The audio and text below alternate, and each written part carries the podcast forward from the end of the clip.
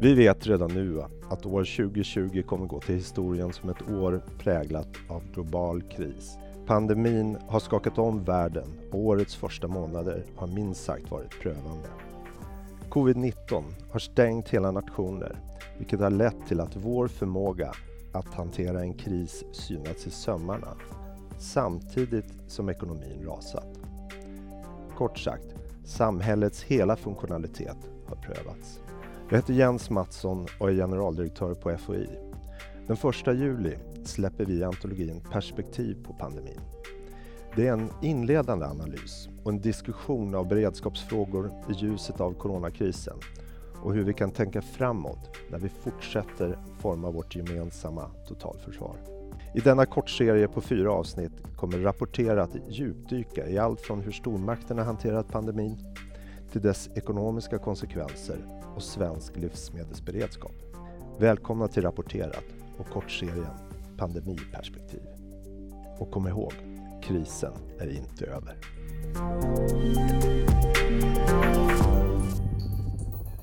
Pandemin har minst sagt ökat på spänningarna mellan världens stormakter. Smittan som startade i Kina har lett till ökade spänningar mellan USA och Kina. USA har varit högljudda i sina spekulationer medan Ryssland varit desto tystare. Hur hanterar Ryssland smittan?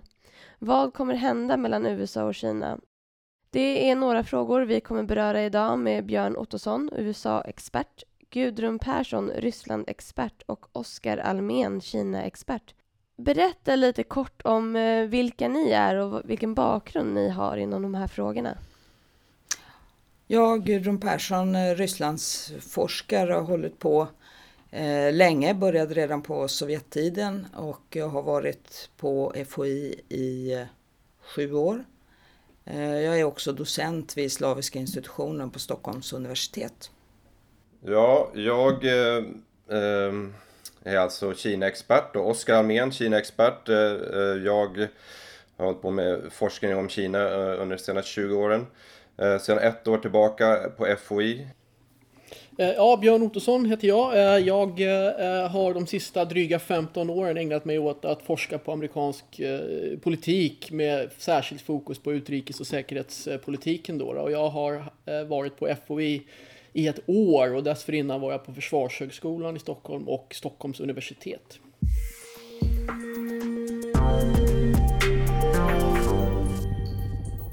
Kortfattat, hur skulle ni säga att coronakrisen har påverkat de här respektive nationerna? Vad är nulägesbilden i mitten av juni 2020?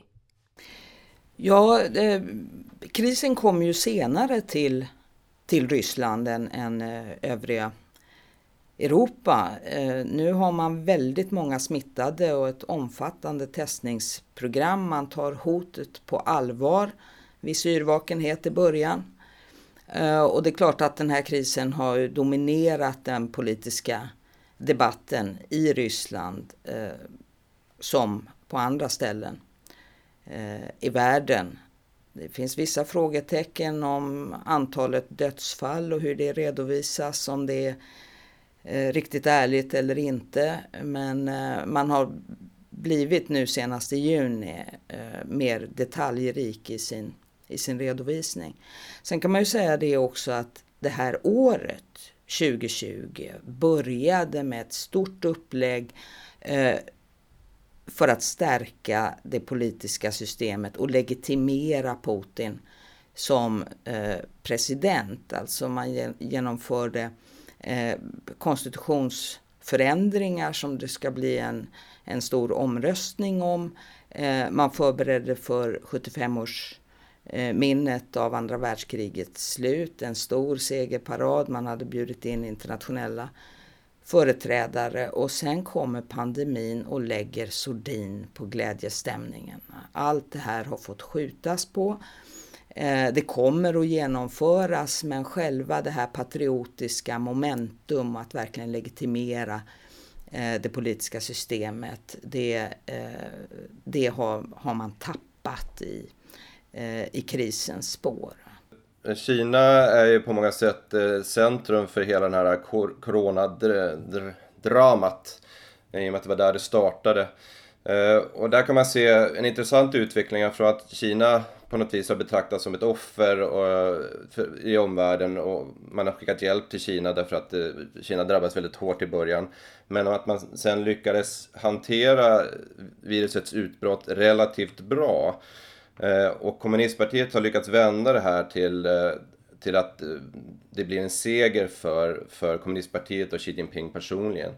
Och sen har man dessutom lyckas visa här, tycker man själva på något vis då, att, att ett auktoritärt system som Kinas är mycket bättre på att hantera den här typen av kriser än eh, västerliga, västerländska demokratier.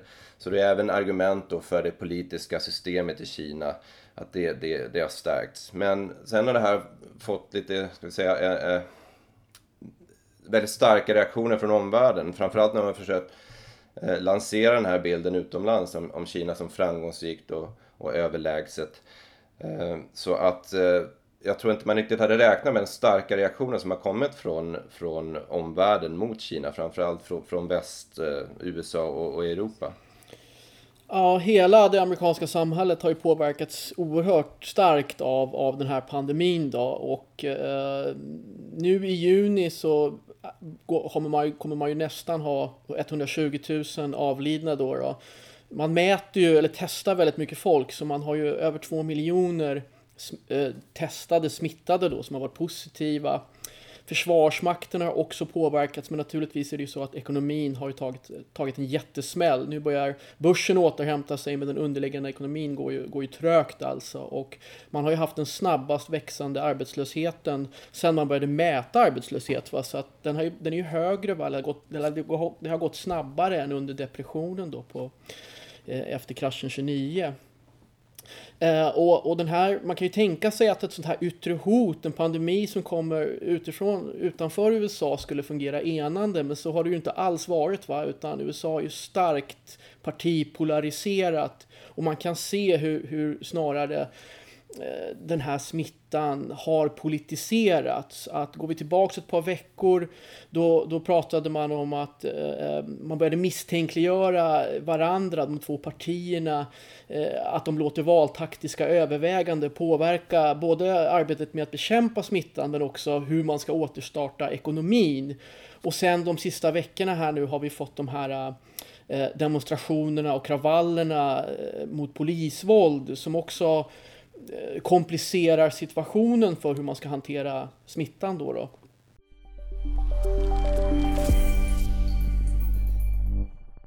Hur skulle ni säga att stormaktsledarna har hanterat coronapandemin? Vad är deras respektive styrkor och svagheter i den här krisen? Ja, eh, man kan väl säga att, att Xi Jinping eh, följer lite grann eh, utvecklingen eh, som kommunistpartiet har haft i Kina överhuvudtaget då, att i början eh, så, så upplevde, många lyfte fram att det här kan bli en stor kris för Xi Jinping personligen därför att han har koncentrerat så otroligt mycket makt själv så att det är han som bär hela ansvaret. Så när man väl lyckades få kontroll över spridningen i Kina så då klev Xi Jinping fram och, och vis, ja, på scenen och och visade att nu är det jag som har tagit kontroll här. Det, och han tog åt sig väldigt mycket av, av framgången. Så att eh, från att ha varit där väldigt många kritiska röster lyftes och personligen kritiserade Xi Jinping eh, så lyckades han på något vis ta kontroll över situationen och alla de mer eller mindre som har, som har uttryckt kritik mot Xi Jinping har, Eh, har ju sedermera försvunnit på olika sätt i det kinesiska systemet. Det betyder inte att han egentligen eh, nödvändigtvis sitter tryggt på positionen. Jag tror att det är en hel del skakningar i det kinesiska samhället, framförallt på grund av de ekonomiska problemen som, som fortfarande är allvarliga. Men eh, eh, på kort sikt har han i alla fall lyckats eh, hålla kvar sin, sin starka position i samhället.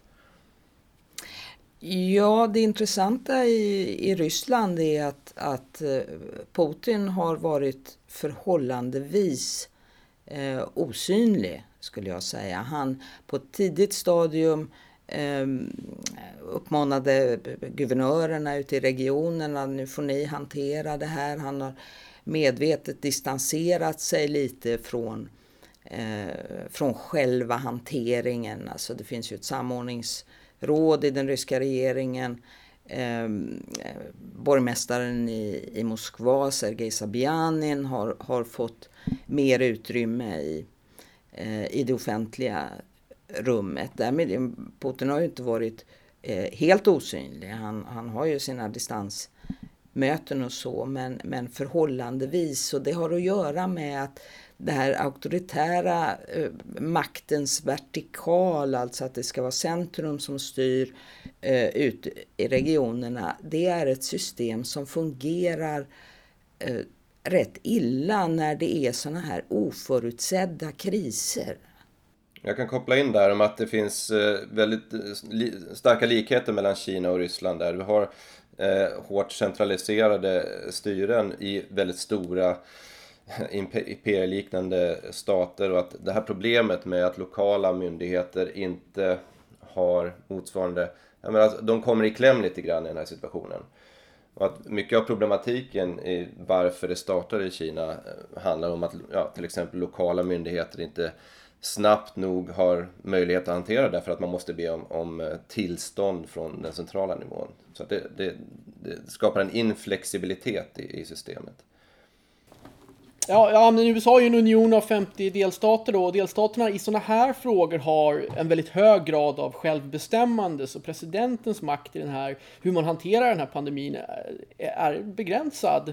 Delstatsguvernörerna och borgmästarna har däremot en betydligt större roll att spela här, och här har olika guvernörer och borgmästare valt att hantera krisen på lite olika sätt. Och sen är det ju så att eh, den här krisen poppar ju upp lokalt, så det, har, det, ser ju väldigt olika ut på olika platser i USA då. Eh, och när det kommer till president, president Trumps förutsättningar för att kunna fungera som en enande kraft här, de har ju inte varit goda med tanke på eh, polariseringen i landet. Så att eh, det har ju nästan varit reflexmässigt, det Trump säger och gör, då är det många som är, är skarpt kritiska väldigt snabbt. Va? Så, han, så hans förutsättningar här har ju varit det har varit svårt för honom helt enkelt.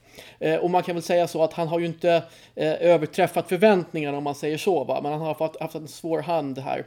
Eh, man kan också lyfta fram att president Trump i, i, i den här pandemin inte har tagit på sig rollen som en världsledare utan han fokuserar ju nästintill uteslutande på USA och det här är någonting som är ganska nytt då. Man kan tänka sig att en annan president hade, hade valt att i sina tal och framträdanden hade pratat på ett annat sätt men här är det ju fokus uteslutande på USA. Det ligger ju också i linje med hans eh, eh policy att sätta Amerika först. Eh, bör man ju tillägga där då. I vilken utsträckning det här kommer gynna honom eller inte hänger nog väldigt mycket på hur ekonomin återhämtar sig innan valet. Man kan ju lägga till från den ryska horisonten då att eh, när det gäller utrikes och säkerhetspolitik så den trend och den linje som, som eh, vi såg före krisen den ligger fast.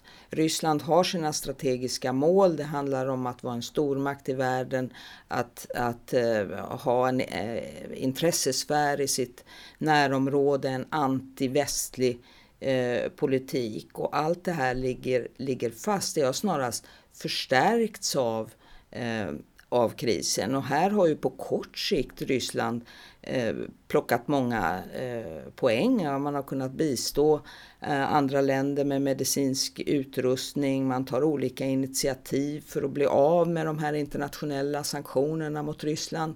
För man säger att det är omoraliskt i, i en eh, pandemi att, att ha de här eh, sanktionerna det ser ganska likadant ut i USA i den bemärkelsen att den här pandemin accelererar redan rådande trender snarare än att skapa nya. Vi har eh, tidigare snabbt ökande klasskillnader och de här kommer att accelereras ytterligare av den här pandemin. Relationen med Kina var redan dålig och den blir betydligt värre av pandemin också. Vi har varit inne lite på relationerna mellan stormakterna. Hur skulle ni säga att eh, de har påverkats av den här krisen? Gudrun, du får gärna börja. Ja, på kort sikt eh, och just nu, vi är mitt uppe i pandemin, men så eh, skulle jag säga att, att Rysslands ställning internationellt har, har snarast stärkts. Eh, man har kunnat ta olika initiativ, Eh, man bistår länder. USA fick ju också en del av, av så att säga, den ryska hjälpen med medicinsk utrustning. Man tar olika initiativ för att bli av med de internationella eh, sanktionerna, eh, den utrikespolitiska linjen och de strategiska målen ligger fast. Eh, inte minst för att den ryska ledningen anser att den som är svag blir slagen. Eh, det auktoritära politiska systemet är, är, är rätt bra på att, eh, skulle jag säga, hantera någon form av styrd eller kontrollerad osäkerhet. Eh, de är mindre bra på att hantera den här oförutsägbara eh, osäkerheten som pandemin de facto innebär. Men den här styrda osäkerheten att skapa eh, oklarheter och ovisshet om en konflikts beskaffenhet. Eh, där är man rätt, eh, där man, det är man bra på. Det är ju det vi har att hantera den här ovissheten eh, framöver. Jag, jag, skulle säga så här då att eh, just när det gäller pandemin här så finns det väl ingenting som egentligen har eh, allvarligt förändrat den relationen. Det har ju varit en, var en del i början där man eh, framförallt från, från eh, Rysslands sida hade mm, ja, pekat ut eh, kineser i, i, i, i Ryssland som smittbärare och den här anklagelsen kom tillbaka sen från Kinas sida när, när man hade stängt gränsen och det kom in en, ja, människor från Ryssland till, till Kina, alltså kineser som flyttade tillbaka. Så att då smeds liksom smittan tillbaks där. Men, men annars så är det inte så mycket som har, har eh, lyfts fram i, i, just den här typen av relationer. Utan de är ju noga med att, att eh, visa att de har goda relationer med varandra och framförallt för att eh, behålla fokuset mot USA då som, som den, den stora antagonisten för Kina och även Ryssland. Antar jag. Eh, ja, som jag nämnde tidigare så, så, så, accelererar pandemin redan existerande trender och eh, relationen med Kina. Redan, redan före pandemin så, så har USA pekat ut Kina som USAs främsta strategiska rival och relationerna har blivit bra mycket sämre. Eh, republikanerna har ju också valt att göra Kina till en stor valfråga.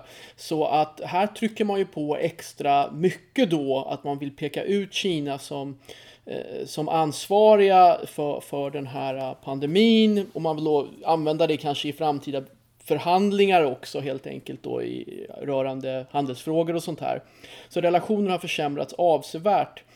Eh, tidigare var det ju så att det här kanske mest var en förhandlingsfråga och det var vissa amerikanska grupper som var negativt inställda till Kina. Men i de senaste opinionsmätningarna så visade det sig att man, man når rekordnivåer nu i hur det amerikanska folket känner gentemot Kina. Alltså att man är mer negativ än någonsin.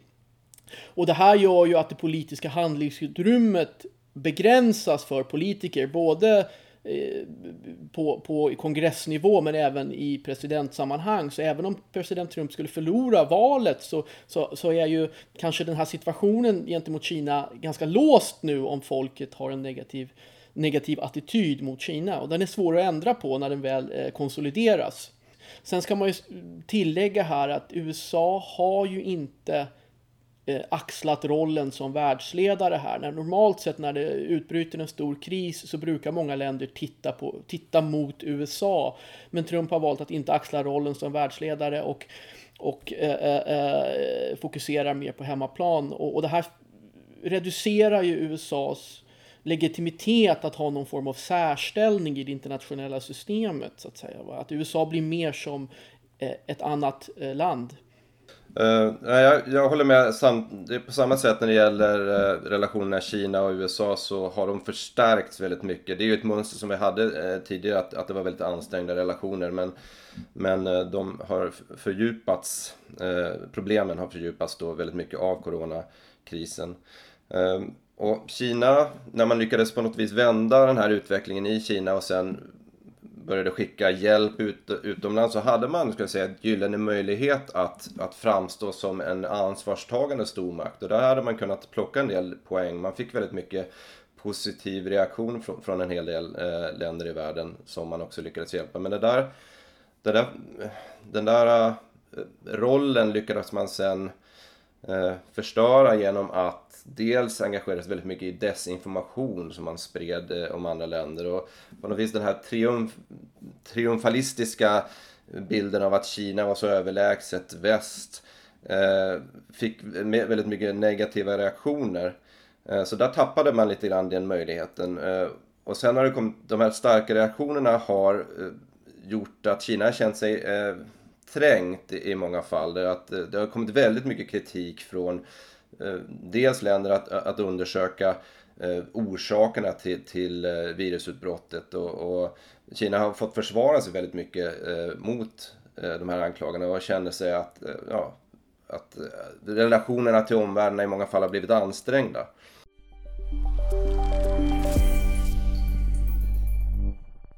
Nu har vi pratat mycket om eh, relationerna mellan stormakterna men jag är också intresserad av vad de säger om Sverige eller hur den här pandemin har påverkat relationen till Sverige. För Sverige är ju någorlunda internationellt uppmärksammat i och med att vår strategi för att hantera pandemin skiljer sig från andra länder. Eh, ja, när det kommer till Sverige och USA då så är, så är det ju så används Sverige och Norden ofta som ett slagträ i den politiska debatten utan att de som, som svingar det här slagträet egentligen vet så mycket om vad de pratar om. Eh, och, och, vi har sett det flera gånger bara de senaste åren egentligen eh, angående kriminalitet och invandring och ekonomiska modeller och sådana här saker. Och, och, och, nu så, så prisas ju den svenska modellen av, av de aktörerna som vill öppna upp ekonomin snabbt och de som är kritiska mot de här rejäla nedstängningarna. Samtidigt lyfts ju Sverige upp som ett dåligt exempel då eh, av de som vill behålla eh, eh, eh, nedstängningar och vara lite säkrare och sådär. Och, och, och, och, men ingen egentligen vet ju så mycket om eh, hur det egentligen är här i Sverige så att säga. Va? Eh, så, så att eh, jag skulle säga det, det är som vanligt. Sverige är ett litet land och används som slagträ i den amerikanska debatten. Ja, i Kina så rapporterades det inledningsvis en del eh, kritiska rapporter om Sverige på grund av den strategi som Sverige valde. Så att det var en del kritiska artiklar men på senare tid har det varit ganska tyst om det. Ehm, och sen kan man också notera då att eh, det kom ingen reaktion från Kinas sida när Sverige var med på att kräva eh, en oberoende eh, utredning av ursprunget för, för pandemin. Eh, när det här togs upp av Australien så blev, blev det inledningen till en väldigt allvarlig handelskonflikt mellan Kina och Australien. Nu kom ju Sverige lite senare då, men, men Sverige har i alla fall inte Eh, drabbats eh, av någon reaktion från, Kinas sida. Och nu har ju Kina dessutom gått ut själva med att man, man stödjer en, en oberoende utredning. Eh, så, så länge som det inte pekas ut någon skyldig liksom i förväg. Alltså mediebilden i Ryssland, särskilt i början av krisen, var ju inte bra för, Eh, för, eh, för Sverige. Eh, man, man har framställt det som att vi inte gör någonting och, och så. Men sedan när, när krisen växte i, i Ryssland och smittan spred sig så har det mest varit fokus på, på hur Ryssland själv hanterar det här. Och, och jag tror som som Björn och Oskar att, att när det gäller relationen Sverige-Ryssland så påverkar inte den här pandemin Eh, vad vi kan se nu eh, särskilt mycket utan förstärker de trender som var, som var tidigare helt enkelt. Tack och med det så avrundar vi dagens kortavsnitt av Rapporterat. Ni alla har bidragit med artiklar i antologin perspektiv på pandemin som finns att läsa från och med första juli.